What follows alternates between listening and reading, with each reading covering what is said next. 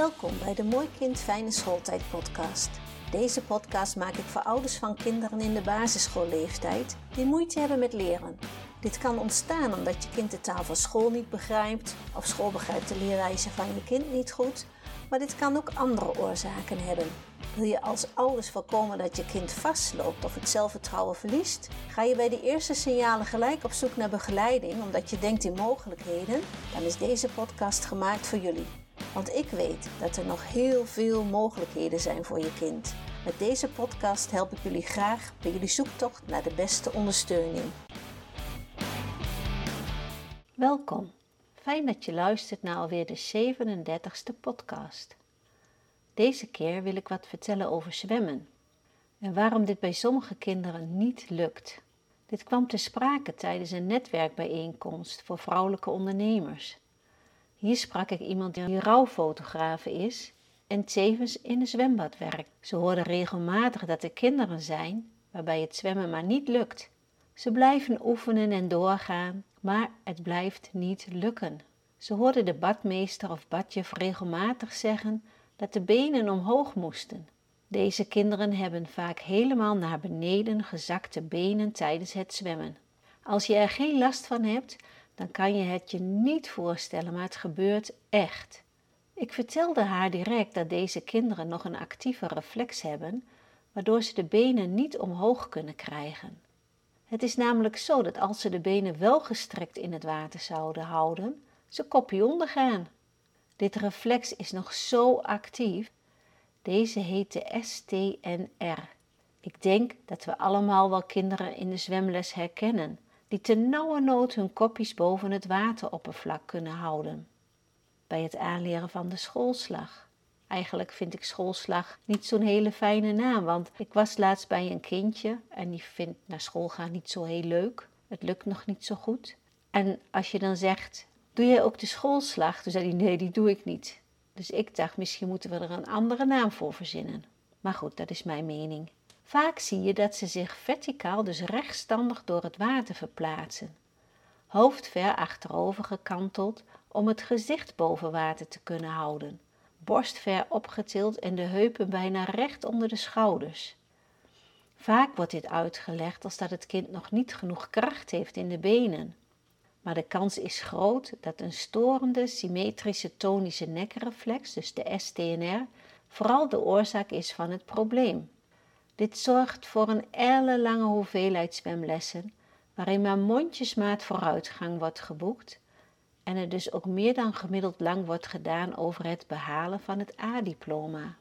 Onze jongste zoon heeft er ook best lang over gedaan. Helaas wist ik toen nog niets over reflexen en de badjuf en de meeste denk ik ook niet. Tenminste, het is me nooit verteld. Deze kinderen hebben ook vaak last van een gebrek aan evenwicht. Ze zwemmen het liefst onder water en ze zwemmen vaak scheef door het bad. Wat is nou de relatie tussen een STNR en een moeizame schoolslag? Wat gebeurt er? De STNR wordt geactiveerd in drie posities. Als het hoofd gebogen is, als de romp wordt opgericht in de swinkshouding, dus de benen gebogen, billen op de hielen, rug en armen gestrekt en hoofd opgetild en als we in de kruiphouding zitten, steunend op alle vier de ledematen. Wat voor signalen kun je nou zelf zien wanneer die STNR nog actief is? Zodra het hoofd opgetild wordt, willen de armen reflexmatig strekken en de benen die willen zich buigen. Beweegt men het hoofd naar voren, dus de kin richting borst, dan willen de armen buigen en de benen strekken. Zodra er dus een voor- of een achterwaartse beweging van het hoofd komt, gaan de armen en benen zich onbewust buigen of strekken. Om even terug te grijpen naar de schoolslag, de rug is daarbij gestrekt en het hoofd is achterover gekanteld. Deze achteroverkanteling zorgt voor strekking in de armen en buiging van de benen. En dat het liefste zo willen houden, omdat het hoofd in dezelfde positie moet blijven om te kunnen ademen. Je ziet bij die kinderen een armslag die ze onvoldoende kunnen afmaken en een beenslag waarbij ze onvoldoende kunnen strekken. Dit heeft gevolgen voor de stuwkracht en daarmee ook het drijfvermogen. Ook kan het duiken lastig gaan. Een kindje legt zijn, zijn of haar hoofd richting borstkas, armen boven het hoofd, iets buigen door de knieën en dan willen gaan duiken, maar gewoon springen. De hele positie is klaar om te gaan duiken, maar het lichaam doet wat anders vanwege een reflex. Eerst even terug naar de basis. Welke functie heeft de reflex dan eigenlijk? De STNR heeft het hierboven beschreven bewegingspatroon en biedt de baby de mogelijkheid om bewegingspatronen te oefenen, waardoor deze zich kunnen uitontwikkelen. Het zorgt voor ontwikkeling van het bewustzijn langs de beide zijden van het lichaam. We noemen dat bilateraal. Om zodoende informatie te verwerken in zowel de linker als rechter hersenhelft. Dit is weer nodig om op een later tijdstip door te ontwikkelen van eenzijdige patronen naar gekruiste lichaamsbewegingen en patronen. Kort door de bocht, de STNR is dé aanloop naar kruipen. Hoe beter het bewegingspatroon geoefend wordt, hoe beter de neurologische aanleg vanuit de hersenstam naar de cortex kan plaatsvinden en hoe beter deze STNR integreert. Dit heeft tot gevolg dat we beter in staat komen om de kruiphouding aan te nemen en daadwerkelijk te gaan kruipen. Je kunt dan namelijk pas in die uitgangspositie komen en blijven. Hoofd opgetild en stabiel, armen gestrekt, maar ellebogen uit het slot, rug licht gebogen, klein beetje hol, knieën stabiel onder het bekken en het bekken stabiel voorovergekanteld. Vanuit deze positie kun je dan gaan kruipen, maar het is ook bijna identiek aan de houding bij het schoolslagzwemmen. Het is bijna bij iedereen bekend dat kruipen essentieel is voor de verdere ontwikkeling. Door het kruipen kan de hersenbalk zich beter ontwikkelen en rijpen. Er kan daardoor een vlottere prikkeloverdracht plaatsvinden tussen de linker en rechter hersenhelft en dus ook in de aansturing van linker en rechter lichaamshelft. Dit schept de basisvoorwaarden voor gemakkelijker opnemen van nieuw te leren dingen, zowel schoolse leervaardigheden als gedrag en motorische vaardigheden. De gekruiste coördinatie in dat eerste levensjaar lang genoeg oefenen en herhalen. Zes maanden kruipen ongeveer is best belangrijk.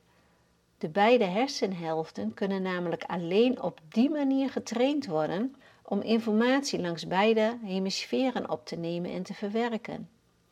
Niet kruipend betekent een ongelijkmatige opname en verwerking van informatie, waardoor leerproblemen en automatiseringsuitdagingen ontstaan. Niet alleen op school, maar ook op je werk of in de huiselijke kring of in het zwembad dus. Wat ook een zeer belangrijk aspect van dit reflex is, is dat bij volledige integratie men in staat is om het lichaam en ook ons denken even tot stilstand te brengen. Op die manier zijn we in staat om de auditieve en visuele informatie, bijvoorbeeld de gelezen zin of alinea, even te verwerken en te gaan begrijpen. We herkennen deze kinderen wel in de klas of in het zwembad, die aan een half woord genoeg denken te hebben en direct gaan handelen en niet meer stoppen of de kinderen die bij hardop lezen de punten en komma's niet lijken te zien. Ze lezen aan één stuk door en slaan stukken over. Bij begrijpend lezen missen ze daardoor de essentie van het verhaal. En bij de schoolslag? Het uitdrijven is heel erg moeilijk bij deze kinderen. Ze blijven doormalen met die armen en die benen. Er zit geen stop in de beweging. Nog een belangrijk onderdeel van de STNR is het zien en de samenwerking van de ogen. De STNR stelt ons namelijk in de gelegenheid om beter te gaan zien op afstand. Als we beter kunnen zien op afstand, dan kunnen we de visuele informatie beter onthouden en verwerken op papier of op het computerscherm. Daarnaast geeft de reflex de mogelijkheid om beter te focussen op het nabijzien en vlot te schakelen tussen dichtbij en veraf.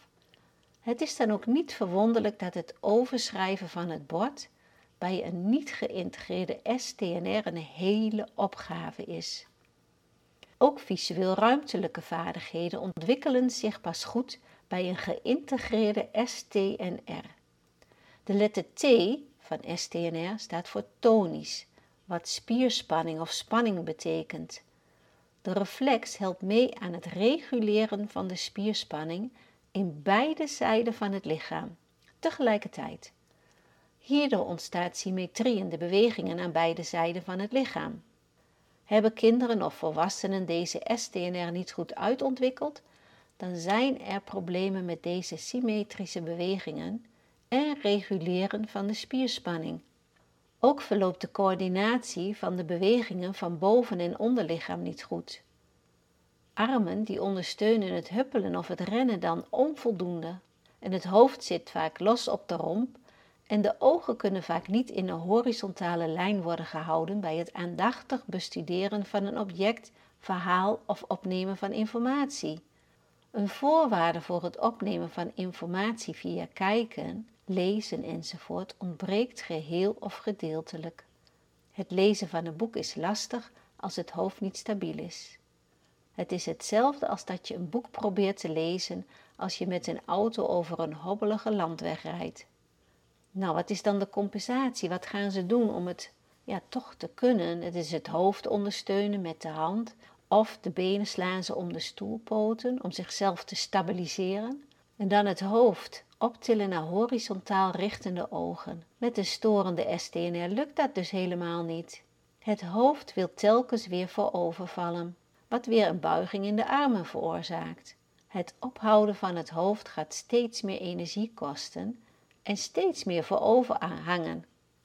Baby's die last hebben van een niet goed aangezette STNR-reflex, krijgen hun hoofd dus niet in de juiste positie om goed vooruit te kijken en te gaan kruipen. Kinderen die in het zwembad liggen, kunnen de horizontale houding van het hoofd, de ogen, dus niet vasthouden en gaan compenseren. Het lichaam gaan ze daardoor laten zakken om maar te kunnen blijven ademen en te kunnen blijven zwemmen. En de jongeren, volwassenen en schoolkinderen, die hebben weer moeite met stilzitten, rechtop zitten, focussen, onderscheiden van oorzaak en gevolg en hangen over de tafel bij het lezen of het schrijven.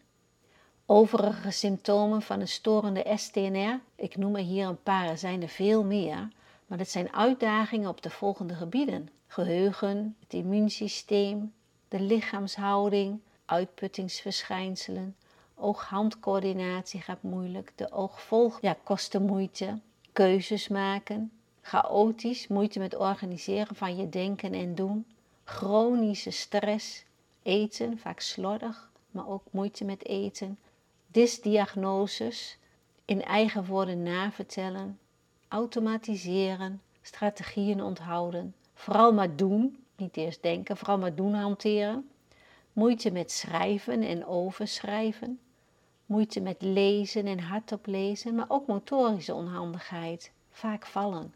Een essentiële reflex om onder controle te brengen dus. Eén die veel ruimte en mogelijkheden biedt wanneer hij de juiste geïntegreerde plek bereikt binnen ons systeem. Maar ook de ATNR kan tijdens de zwemles nog storend werken. Dit is de asymmetrische tonische nekreflex. Deze zorgt er bijvoorbeeld voor dat boskrol onafhankelijk van elkaar gedaan kan worden, dus dat de linkerkant beweegt en de rechterkant stil ligt. En dan de rechterkant beweegt en de linkerkant stil ligt. In ieder geval dat dit onafhankelijk van elkaar bewogen kan worden. Is dit niet het geval, dan hebben deze kinderen zeker moeite met de boskrol. Bij deze kinderen zie je ook vaak dat ze moeite hebben met hun evenwicht wanneer het hoofd gedraaid wordt. Ze bewegen nogal houterig en ze worden duizelig bij het maken van een koprol. Dan hebben we ook nog de morrelreflex. Wat kun je daar zien in het zwembad? Je kunt zien dat deze kinderen die durven niet op de rug of de buik te gaan leggen in het zwembad, wat dus wel weer belangrijk is. Ook de TLR, de tonisch reflex, kan nog actief zijn. Deze kun je herkennen aan dat een kind als een kikker in het water duikt moeite met op terugzwemmen heeft vanwege een slechte houding, balans en coördinatie. En springen van een hoge kant vinden ze heel erg spannend. Let er dus eens op als je gaat zwemmen met je kind of je geeft bijvoorbeeld zwemles. Deze kinderen hoeven niet door te morrelen. Er is namelijk wat aan te doen. Je kunt deze reflexen met oefeningen integreren, waardoor ze niet meer zullen storen en de zwemles opeens een stuk makkelijker en leuker gaat worden. Nou, bedankt voor het luisteren naar deze les over het zwemmen en tot een volgende keer. Bedankt voor het luisteren naar deze podcast. Wil je meer Mooi Kind Fijne Schooltijd podcasts beluisteren? Abonneer je dan op deze podcast. Luister je via Spotify, klik dan op volgen en op het belletje, dan krijg je een bericht als de volgende podcast er is. Vertel ook anderen over deze podcast. Heb je aanvullingen, ideeën of tips, dan hoor ik dit graag. Je kan met me in contact komen via Instagram of LinkedIn. Een mail sturen kan ook. Stuur deze dan naar info.eigenleerweg.nl En natuurlijk mag je ook een review achterlaten. Heel graag tot de volgende aflevering.